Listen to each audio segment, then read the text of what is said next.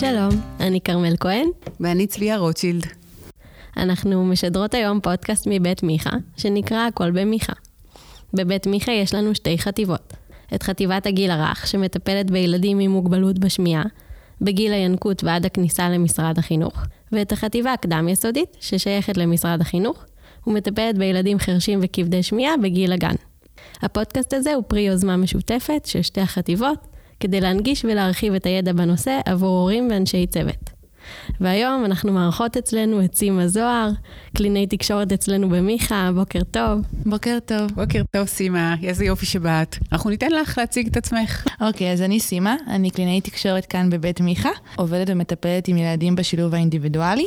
בעבר עבדתי כאן במרכז בטיפולים אחר הצהריים, והיום אני מטפלת בילדים בסביבת הגן, מדריכת צוותים של החינוך המיוחד ואחראית על הנגשות בגנים. אני גם עובדת במרכז אה, טיפולי התפתחותי פרטי ואודיולוגית במכון שמיעה בבית חולים וולפסון. אהלן, ברוכה הבאה לפודקאסט שלנו. והיום את תדברי ותחלקי איתנו ידע בכל מה שקשור לרכישה של אה, ידע לקסיקלי, ידע של אוצר מילים, והקשר של זה לילדים שלנו, לילדים עם מוגבלות בשמיעה. אז uh, תתחילי לשתף אותנו בידע. נכון. אז קודם כל, אה, באמת חשוב להבהיר שרכישת שפה קורית בעיקר בזכות הכישרון הטבעי שלנו כבני אדם, לייצר אינטראקציה בין אישית. היא מתרחשת כבר מהיום היוולדו של התינוק, עם המטפלים העיקריים שלו, ההורים שלו. אה, וישנן הוכחות רבות לכך שההתנסות המוקדמת בדיבור ושפה היא בעלת השפעה משמעותית על למידת מילים. ובהתנסות אני מתכוונת לחשיפה, הקשבה לקולות שונים, לשיח, לדיבור, ומתוך כל זה לחפש ולהבין את המשמעות של מה שאנחנו שומעים. ומחקרים מראים שזהו אחד הגורמים הסביבתיים הכי חשובים בפיתוח אוצר מילים מוקדם אצל ילדים. חלקם מצביעים שכמות הדיבור היא זאת שחשובה. ככל שמדברים יותר, אוצר המילים גדול יותר. וחלקם אה, מדברים על זה שסוגי דיבור ספציפיים ממלאים תפקיד חשוב. למשל, אה, שימוש באוצר מילים מתוחכם ושפה גבוהה, אם זה מתוך ספרים, שזו באמת הזדמנות להיחשף למילים, לאוצר מילים שלא נפגוש בהכרח בחיי היום שלנו. ויש כאלה שאומרים שגם זה פשוט תלוי באוצר המילים אה, מגוון ורחב. כלומר, המון מילים שונות מסוגים שונים. ואחד המחקרים שבאמת היווה ציון דרך, הוא בעצם הראה שכמות הדיבור של המטפל שהופנה לילדים בגילאי 10 עד 36 חודשים, ניבאה באופן משמעותי את אוצר המילים של הילדים בגיל 3 שנים. זאת אומרת, מה שהמחקר הזה אומר, שככל שאתה תדבר לילד יותר, הוא דיבר על הכמות, ככל כן. שאתה תדבר אל ילד יותר כשהוא תינוק צעיר, יש לזה קשר לגודל אוצר המילים שלו ועל איך שהוא ידבר בהמשך, וזה, ומדברים שם על תינוק שהשמיעה שלו תקינה והכל נכון, תקין. נכון. אוקיי. תמיד ככה, כשאני חושבת על, כקלינאי תקשורת, על התפתחות אה, שפה של תינוק, בעיניי זה, זה אחד הפלאים היותר גדולים שיש בעולם הזה. תחשבו, נולד תינוק שאין לו בהתחלה שום דבר, ובעצם החשיפה, עצם החשיפה לשפה, לדיבור, ב, בסביבה שלו, כאילו מה, שאמר, מה שפתחת ואמרת בהתחלה, המוח של תינוק מכוות ומכוון כדי לקלוט את הדבר הזה. ולכן כל העניין הזה של להיות מכוונן לזה ולחשוף אותו ולדבר אליו כבר מגיל... בגיל מאוד מאוד צעיר, גם כשאנחנו חושבים, אבל הוא ממילא לא מבין שום דבר. לא. המוח סופג את זה, וזה בעצם מה שהמחקר הזה אומר. דברו אליו כמה שיותר בהתחלה, זה מנבא את מה שיקרה אחר כך. לגמרי. בעצם ההתפתחות השמיעתית של הילדים מתחילה עוד לפני הלידה, וממש רואים את זה שהם נחשפים לשפה ולמידה באופן שמיעתי כבר בהיריון, ומקשיבים לקול של ההורים שלהם, ומזהים את הקול של ההורים שלהם מבין קולות אחרים. ובעצם ילדים גיל, בגיל 4-5 אה, יפתחו אוצר מילים של כ-3,000 עד 5,000 מילים, בעוד שילדים עם מוגבלות בשמיעה, באותו גיל כרונולוגי, לרוב יראו אוצר מילים נמוך באופן משמעותי. ורק להדגיש שבעצם השיחה שלנו היום מתמקדת במילים. אומרת, העניין הזה של התפתחות של שפה, העניין הזה של הדבר הגדול והרחב הזה של התפתחות של שפה, מתייחס, זה עולם ומלואו, הוא מתייחס גם לללמוד אה, סוגים שונים של משפטים, הוא מדבר גם על ללמוד מילים בודדות, הוא מדבר גם על השיח החברתי, הוא מדבר על הדקדוק של השפה, אבל היום אנחנו בעצם מתמקדות באבנים של הלגו, באבנים נכון. שהן המילים, נכון? נכון. כאילו זה, זה הדגש. נכון, לגמרי, אוצר מילים, המילים שבסופו של דבר התחברו למשפטים, ו- שבאמת יהפכו לשיח הרבה יותר רחב ומגוון אה, בהמשך. אז נצלול לעניין. אז בעצם מה הקשר באמת בין אה, מה שההורה חושף, ההורה אומר, לבין ההפקות של הילד? אז בעצם אנחנו כהורים כל כך רוצים לתקשר עם הילדים שלנו מהרגע הראשון, אנחנו בכלל מחפשים כל האבית הכי קטן של התינוק, שלא לדבר על קול, על חיוך, אה, אנחנו כל כך מתלהבים, ואנחנו מנסים באמת אה, אה, להראות לו את זה, ואיך אנחנו עושים את זה? באמצעות שפה. אבל התינוקות עדיין לא מבינים שפה. אה, אז אנחנו בעצם הופכים את השפה שלנו לשונה. כשאנחנו מדברים איתם, כל זאת כדי להנגיש את השפה שלנו, אה, כך שלאט לאט הם ירכשו אותם. סגנון הדיבור הזה הוא בעצם נקרא דיבור אמאי או דיבור מוכוון תינוקות. זהו סגנון דיבור ייחודי שהוכח כמקל על היבטים רב, רבים של למידת שפה מוקדמת אצל תינוקות, וגם על ההתפתחות הקוגניטיבית שלהם. כשאת אומרת את הדיבור המוכוון תינוקות הזה, את מתכוונת לזה ש... שמה? שהרבה פעמים כשאנחנו מדברים לתינוקות, אז אנחנו מדברים ואנחנו נשמעים לרגע כזה, מתוק שלי, חמוד שלי. את מדברת על, ה... על הדברים האלה של מה? של אינטונציה מוגזמת, של... הרי כולנו יודעים שמשהו קורה לנו כשאנחנו מדברים אל תינוק. נכון. אז זה באמת, בדיוק זה, את מובילה אותי באמת, באמת למה ההבדל באמת בדיבור הזה ביחס לדיבור של מבוגרים. הוא לרוב יהיה באמת יותר פשוט תחבירית, הוא מוגבל מבחינת אוצר המילים שלו, יותר באמת מוכוון לילד, והוא גם יהיה, יהיה גם יותר נכון ורהוט בשפה שלנו, כלומר, אנחנו בדרך כלל לא נשתמש בסלנג, נשתמש יותר בפעלים ספציפיים, ופחות אה, עושה ככה, את זה. נרצה באמת לחשוף את הילדים שלנו למילים הכי נכונות. לרוב גם הנושא שיחה יהיה מוגבל באמת לכאן ועכשיו, ולמוקד התעניינות של הילד. המבוגר בעצם מתמלל את הפעילות של הילד, הוא חוזר על הנאמר, לפעמים הוא ידבר על מה, מה קרה קודם ומה נעשה אחר כך, וזה גם באמת מקל על הלמידה בגלל הרמזים האקוסטיים, השמיעתיים, שיש ביחס לדיבור רגיל של מבוגר, שזה בדיוק באמת מה שהדגמת, שאנחנו באמת נשתמש בשינויי קול עם טווח צלילים רחב יותר, אה, משך הדיבור שלנו יהיה ארוך יותר, אנחנו נמשוך כל הפקה של כל מילה. קצב הדיבור יהיה איטי, יהיה איטי יותר, הפסקות ארוכות יותר. אה, זה בעצם מאפשר להם אה, לפלח את המילים ולשפר את, את הזיהוי של המילים האלה בתוך כל האמירות. האמירות שאנחנו אומרים. וכמובן גם שנשתמש בעוצמה גבוהה יותר. אה, נדגים את זה. איפה כדור? הנה כדור, אתה רואה, הוא מתגלגל, ואנחנו נדבר באמת ככה בדיבור שהוא מאוד מלווה בחיוכים, בהבעות פנים, נתקרב לפנים של הילד, כדי באמת למשוך את, את תשומת הלב שלו. זה ככה סגנון שמשרת תפקיד חברתי וחשיפה גדולה יותר לשפה, מושך את תשומת הלב של הילד לדיבור. וכך בעצם הילדים לומדים מילים בתוך ההקשר הטבעי שלהם. הם שומעים אותם שוב ושוב במצבים שונים, בהתייחסות לאותו חפץ או מצב, ומבינים את המשמעות של המילה. אה, וניכר כי תינוקות באמת רגישים למאפיינים האלו, ומתייח... ומראים התייחסות אה, לדיבור הזה, הרבה יותר מאשר מדיבור שהוא היומיומי שלנו, הדיבור שמוכוון למבוגרים. זאת אומרת כהורים וכמבוגר שמטפל בתינוק, זה לא סתם שאנחנו מדברים אליהם ככה. כאילו, אה, אה, באמת, אתה לא חושב על זה, האינטואיציה איכשהו, מה שנקרא, לכו עם האינטואיציה שלכם. זה באמת נכון, זה כנראה עושה משהו אחר אה, בלמשוך את תשומת הלב של התינוק, וזה כנראה באמת עובד, הדרך האחרת הזאת. לגמרי. כן. וגם חשוב לציין שההעדפה הזאת היא באמת אצל הילד, היא תלויה בגיל ההתפתחותי שלו. ככל שהילדים באמת גדלים ומתפתחים מבחינה שפתית, הם יצטרכו את זה פחות. פחות, ואנחנו אוקיי. נעשה את זה פחות. כאילו, זה קורה ממש באופן אינטואיטיבי. כן, אתה לא תדבר ככה לילד בן חמש, זה לא, לא נשמע הולם. נכון. כן. אה, אבל כן אנחנו, הם יתחילו לדבר יותר ואנחנו פחות, אבל אנחנו כן נדגיש את המילים שהן לא מוכרות להם. נחשוף אותם לדברים חדשים, ואותם אנחנו כן נדגיש יותר. כן עדיין נשתמש במאפיינים האלה לדברים חדשים שאנחנו רוצים לחשוף אותם אליהם. ובעצם באמת התגובות של המבוגר מתאימות לתגובות של הילד. אני חושבת שזה באמת אה, נקודה חשובה שצריך לזכור אותה, שזה מתאים עד גיל מסוים, אחר כך זה כבר פחות מתאים. אם אנחנו רוצים שהשפה של הילד uh, תתפתח ותואשר, אז באיזשהו שלב זה קצת פחות נכון אפילו לפנות לילד, uh, כן, יוסי רוצה לשתות, יוסי רוצה... לא, יש כבר גיל שזה פחות נכון אפילו לדבר ככה אל הילד, אלא יותר, אתה רוצה, אתה, זאת אומרת, להעלות את הרמה ביחד עם הגיל שלו, אני חושבת שזו גם נקודה חשובה. לגמרי. כן, אוקיי.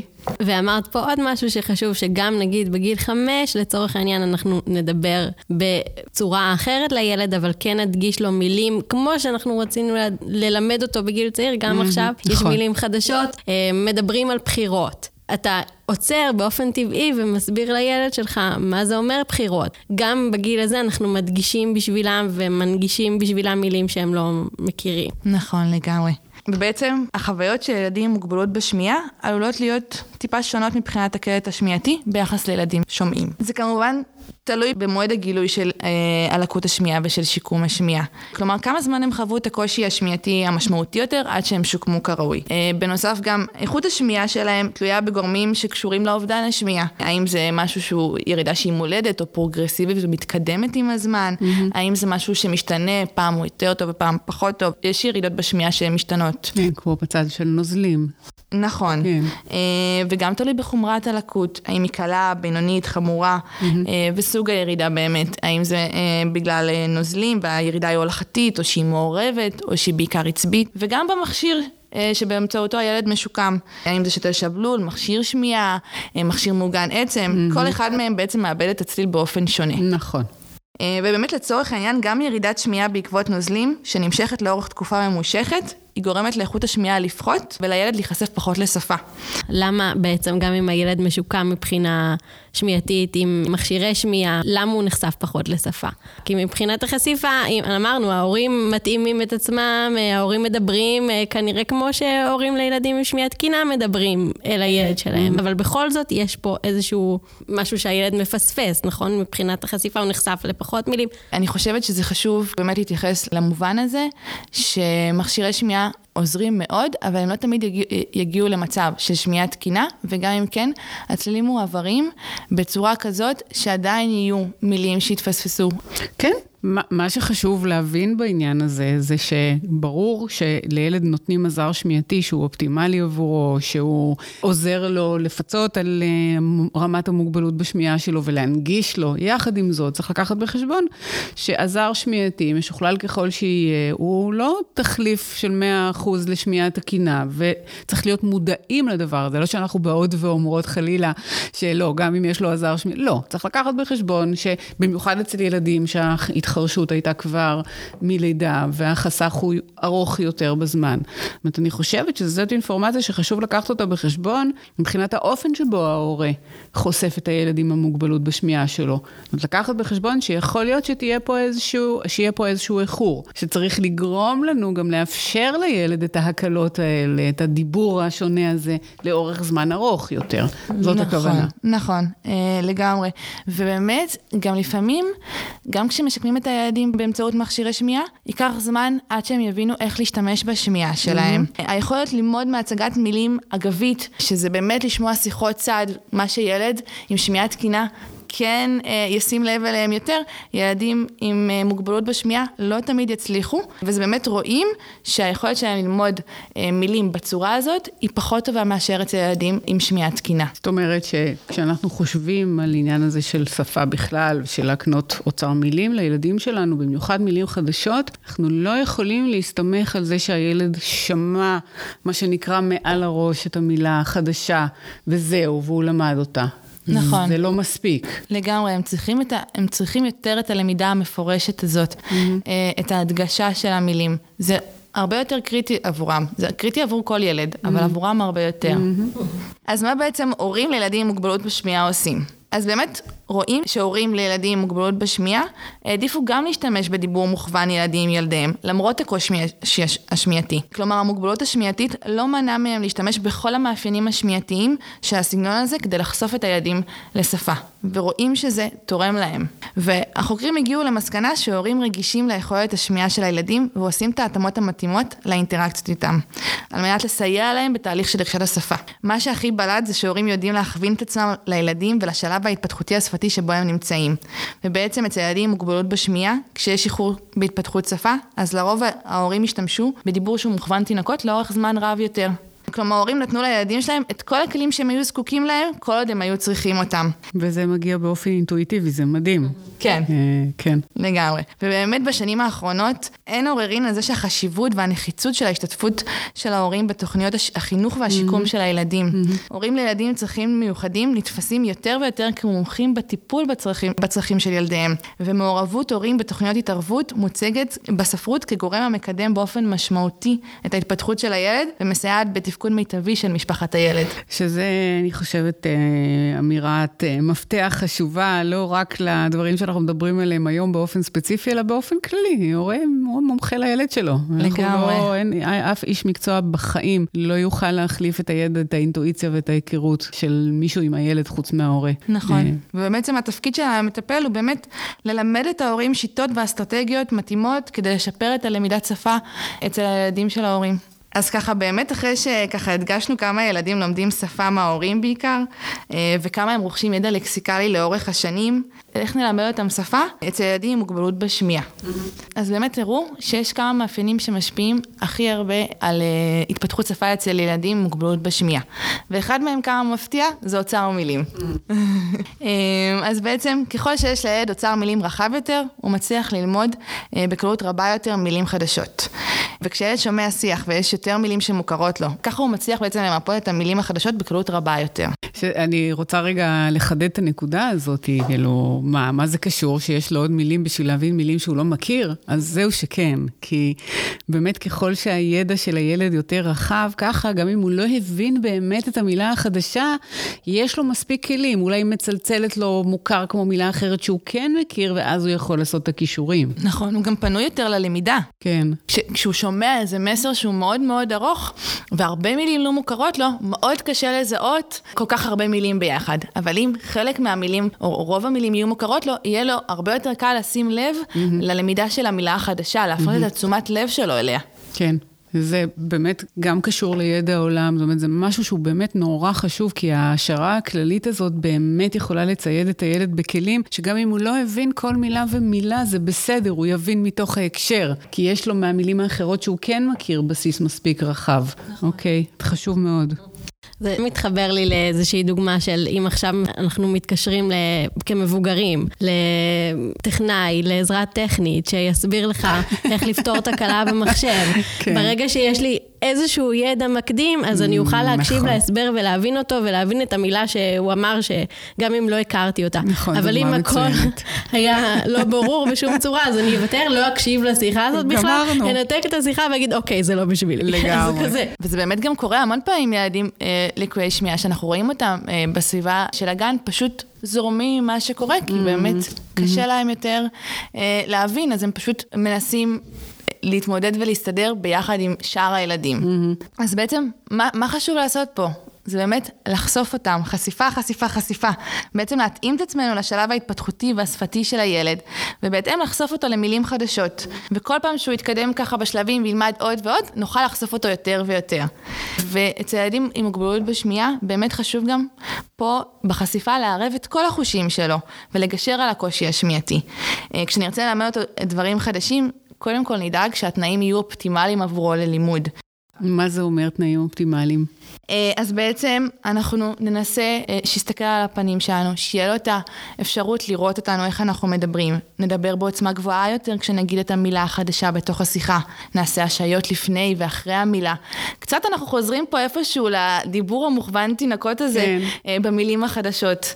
אני חושבת שצריך פה ל- ל- לציין ולהדגיש שכשאנחנו מדברים על הדיבור המוכוון הזה ולדבר בקול ח- רם יותר, מצד שני, חשוב גם נורא לזכור, כי לפעמים יש לנו נטייה לדבר ממש חזק כשאנחנו מדברים על ילדים, וקצת לעוות את הקול, שגם מזה צריך להיזהר. זאת אומרת, המקומות האלה של להדגיש הם חשובים, אבל אנחנו לא אמורים לעוות את הדיבור שלנו, לדבר כזה מוגזם, אלא באמת לתת את אותם דגשים. אם יש מילה חדשה, כמו שאת אמרת, בוא, בואי ניתן דוגמה אולי לעניין הזה של השעיה. זאת אומרת, אני, אם אני נתקלתי תוך כדי זה שהקראתי סיפור במילה חדשה. למשל, אה, לי קרה פעם אחת שילד היה תמונה, וראו באמת שהילד אה, היה רשום והילד בהה בבלון. ו- וככה הקראתי את זה. ופתאום קראתי, רגע, אולי הוא לא מכיר את המילה הזאת, ואז באמת עצרתי ושאלתי אותו, רגע, אתה מכיר את המילה בהה? והדגשתי אותה טיפה יותר, mm-hmm. לא בצורה שהיא מוגזמת, אה, אבל כן להדגיש כדי שיבין מתי היא מתחילה, מתי היא נגמרת, mm-hmm. שיזהה באמת בתוך הבלילי של הדיבור את המילה הספציפית הזאת ויראה אם הוא מבין אותה. ואם לא, אז אנחנו נשאל וננסה לחקור את המילה הזאת. Mm-hmm. אז זה באמת רגע להשתאות על המילים האלה. Mm-hmm. זה עדיין צריך להרגיש טבעי. נכון, נכון. נכון. בהחלט. ולגמרי במיוחד תוך אם כדי זה- שיח. ובמיוחד אם זה קשור ללהקריא סיפור לילד, לא להתחיל עכשיו אה, לעוות את הסיפור ולעצור כל שנייה. נכון. אה, אז אני באמת אסיים את המשפט, ואז אני אראה, אבדוק איתו, רגע, הוא מכיר את המילה, אני אשאל אותו, אה, אני רגע אדגיש אותה שוב, אני אחזור עליה כמה פעמים, כדי באמת שיקלוט אותה. זה באמת מוביל אותי לעניין הזה, שילדים בכלל, כדי ללמוד מילה חדשה, הם צריכים לשמוע אותה ב-15 הקשרים שונים. אז אצל ילדים עם מוגבלות בשמיעה בעצם נזדקק להרבה יותר פעמים של אה, חשיפה אה, ולמידה שהיא הרבה יותר מפורשת. מה זה אומר הקשרים שונים? מהמם. הכוונה היא, במיוחד עם ילדים צעירים יותר, שאם למשל יש מילה חדשה ואני רוצה ללמד את המילה כוס, אז זה לא רק הכוס הספציפית הזאת שלו, שהוא יודע שממנה הוא שותה שוקו, אלא אני רוצה לחשוף אותו לכל מיני סיטואציות שיש בהן.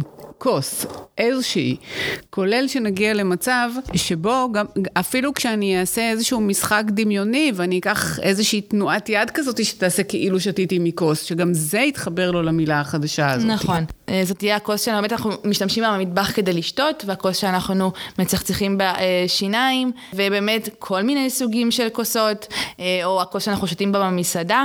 זה יהיה בכל מיני בדיוק. סיטואציות שונות, בדיוק. שבה הוא ייחשף למילה הזאת, כי וככה הוא... אחרת הילד ילמד את המילה כוס רק על הכוס הספציפית הזאת, וזה לא מה שאנחנו רוצים. נכון, אוקיי. לגמרי. והשלב הבא זה שכוס תהפוך להיות גם ספל. נכון, וכוס- נכון, בהחלט.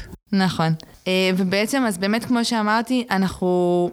חשוב להיעזר בהרבה חושים אה, אחרים כדי באמת לפצות על הקושי השמיעתי. אז אם זה אמרנו להשתמש בקריאת שפתיים, להשתמש בעזרים ויזואליים, להמחיש לו את המילה כמה שיותר מבחינת איך שהיא נראית. בעצם ככל שיהיה לו יותר מידע על המילה, כמו שאמרנו עכשיו, באמת אה, המושג, ככה הוא יזכור אותו יותר טוב. אם זה משהו שאני יכול לגעת בו, אז אני אתן לו למשש, להרגיש את המרקם שלו. אה, אני יכולה לתת לו, אם זה משהו שהוא אכיל, אז לאכול אותו, להריח אותו. בעצם mm-hmm. כל הדברים האלה יחשפו את הילד כמה שיותר למושג הזה, ואנחנו מוסיפים פה עוד מידע מעבר למידע השמיעתי, אבל אנחנו לא מוותרים עליו. ויותר מזה, אנחנו בעצם מלמדים את הילד ללמוד בצורה הזאת, שאנחנו חושפים אותו ומלמדים אותו מילים בדרכים שונות, אז אנחנו גם מלמדים אותו איך ללמוד בעצמו, ושהוא נכון. שומע משהו, אז לשים לב גם לאיך שהדבר נראה, ואיך שהוא מרגיש בעצמו, אם הוא שומע מילה חדשה או מכיר מושג חדש. נכון, בעצם אנחנו מלמדים אותו אה, להתייחס לכל המאפיינים של הפריט הזה, ולתת לו יותר ידע עליו, וככה הוא ילמד, ויזכור אותו גם יותר טוב. ככה בסופו של דבר אנחנו זוכרים את הדברים. חשוב לי להדגיש שהכי קל זה בעצם ללמד את הילד דרך משחק אה, טבעי. משחק משותף טבעי, שבו נגיד את המילים בהקשר טבעי. מה שבטיפולים, אנחנו ממש משתדלות שיקרה, וככה לייצר סביבה שהיא באמת הכי טבעית והכי מוכרת לילד, אבל זה לא תמיד קורה. אני אוסיף שזה לא, זה, לא זו בלבד שזה הכי קל, זה גם הכי יעיל. זאת אומרת, אנחנו, כשאנחנו מדברים על אה, עולם רכישת השפה ואיך זה אמור להיות, אז אנחנו יודעים היום יותר מאי פעם ששפה נרכשת בכל תחומיה, בטח אוצר מילים נרכשת סביב העניין הזה של, אה, של סיטואציות טבעיות, יומיומיות. זאת הדרך ללמד שפה. לגמרי, נכון. ובעצם זה מה שנעשה, ננחה את ההורים לנצל את כל ההזדמנויות הטבעיות האלה mm-hmm. שקורות בחיי היומיום שלהם, mm-hmm. ללמידה של הילדים. Mm-hmm. אני חייבת להגיד שזה באמת, כמו שאמרת, זה חשוב לכל ילד באשר הוא, אבל אחת כמה וכמה באמת לילדים עם מוגבלות בשמיעה. נכון. נקודה הבאה, שמה שנמצא במחקרים, אחד הגורמים אה, אה, החשובים, חוץ מאוצר המילים, זה באמת רמת השמיעה של הילדים. זה נמצא גם כגורם מאוד משפיע על ההתפתחות אה, שפה ועל האוצר המילים של הילדים בהמשך. אה, אז באמת נשאף לשיקום מיטבי של הילדים. אבל לא רק, מה עוד אפשר לעשות? אה, בעצם, אנחנו נעודד שמיעה פעילה. ככל שהילד ילמד להשתמש בחוש הזה יותר טוב, ככה האוצר המילים שלו יתפתח יותר טוב. מה זה אומר שמיעה פעילה? אז למה בעצם, את מתכוונת? בכל שלב בחיים של הילד, אנחנו נוכל להתאים את המטרות השמיעתיות שלו. איך, איך לעבוד עם השמיעה שלו יותר טוב. אם זה מבחינת צלילי סביבה, אז אנחנו, כשהם ילדים, נעלה את המודעות שלהם לצלילים שהם שומעים, נחשוף אותם מאיפה הם הגיעו. בהתחלה הם רק יגלו אותם. אה, אך השאיפה שלנו שהם ממש יבינו מה המשמעות של הצלילים האלה, מה הם מסמלים, וזה כבר ממש מערב שפה. אה, למה אני מתכוונת? נגיד כשאנחנו שומעים טוק-טוק בדלת, אה, בתכלס אין לזה הרבה מאפיינים של השפה, אנחנו רק שומעים איזשהו קול, אבל מה שאנחנו עושים זה... ממש מערב את זה, כי אנחנו באמת צריכים להבין למה הרעש הזה. הוא מסמל דפיקה, וספציפית דפיקה על הדלת. זה אומר שכנראה יש מישהו מאחוריו והוא רוצה להיכנס. את כל זה הילד צריך להבין כשהוא שמע את הדפיקה הזאת. נכון. ובאמת, מאחורי האירוע הזה מסתתר אוצר מילים שלם, ענק, שאפשר שלם. כן, שאפשר לחשוף את הילד, לגמרי, צריך, נכון. והוא צריך ויכול ללמוד את זה. נכון. וזה ממש חשוב. אנחנו בעצם מלמדים אותם להיות סקרנים לגבי השמיעה שלהם. בדיוק. להסתכל מאיפה הם שומעים את הצליל ששמעו, לגלות, לגלות שפה באמצעות השמיעה שלהם. התפקיד שלנו הוא באמת להשתמש בחוש השמיעה בצורה אקטיבית ולפתח אותה. כן, לתווך לילד את העניין הזה, כי באמת עם הילדים שלנו זה, זה לא מובן מאליו, א', לשים לב בכלל לצלילים האלה, ובטח לא לייחס להם משמעות. ופה התפקיד שלנו כמבוגרים הוא לעזור להם לעשות את הקישור הזה. נכון. ובאמת בהמשך נוכל ללמד אותם גם באמת להשתמש באסטרטגיות איך לפצות ואיך להקל על השמיעה עד כמה שניתן. אם זה להתקרב אל הדובר כדי לשמוע את זה טוב יותר, אם להסתכל על הפנים שלו, להתרחק מהרעש, אה, אם יש כזה. בעצם להיות מודעים, מודע לתנאים השמיעתיים שבהם הוא נמצא, ואיך הוא משפר אותם. איך אנחנו באמת נותנים לו כלים לשמוע טוב יותר. אה, ואם הוא לא שמע, אז הוא יכול גם לבקש לחזור על מה שהוא אמר. אצל ילדים קטנים זה יהיה פשוט מה, או אפילו איזה ג'סטה שכאילו מראה שהוא לא הבין את מה שרצו ממנו, ואצל ילדים גדולים יותר ממש אפשר ללמד אותם לבקש לחזור על כל המשפט שנאמר אם הוא לא שמע אותו, או רק על חלק. כן, וזה באמת עולם שלם וגדול ורחב של באמת... שילד, מה שנקרא, יכול לסנגר על עצמו, כמובן לא ניכנס לזה עכשיו, אבל uh, זה חלק מלפתח ולעודד ולעורר את המודעות, את הבקרה, וזה באמת מצופה גם בגילאים טיפה יותר גדולים כמובן. זה בהחלט מצב שאנחנו רוצים לשאוף אליו, שזה יגיע מהילד. נכון, ובאמת, זה מה שאנחנו שואפים. אם הילד לא הבין משהו, נעודד אותו באמת לחקור את המילה החדשה. ואם הוא לא יודע, אז תמיד אפשר לחשוב, לשאול, ואפשר אפילו באמת, אם בתור הורים, לקחת ולחפש את המילה הזאת באינטרנט, ככה באמת לעודד את הסקרנות הזאת mm-hmm. של מה הוא יכול לעשות עם המילה הזאת. חשוב להבין ש... הם לא יחששו מהשמיעה שלהם. המון ילדים לפעמים יש להם חוסר ביטחון בשמיעה והם פחות אה, מתייחסים אליה. ואנחנו צריכים לעודד אותם את הביטחון שלהם, אה, להבין את המשמעות של מה שהם שמעו. וכשהם ילדים נגיד מגיעים לגן חובה, נוכל להציב לעצמנו כמטרה ללמד אותם מילים חדשות באמצעות השמיעה. מה הכוונה? למשל, אם הוא שמע מילה שהוא לא מכיר, לצורך העניין גשום.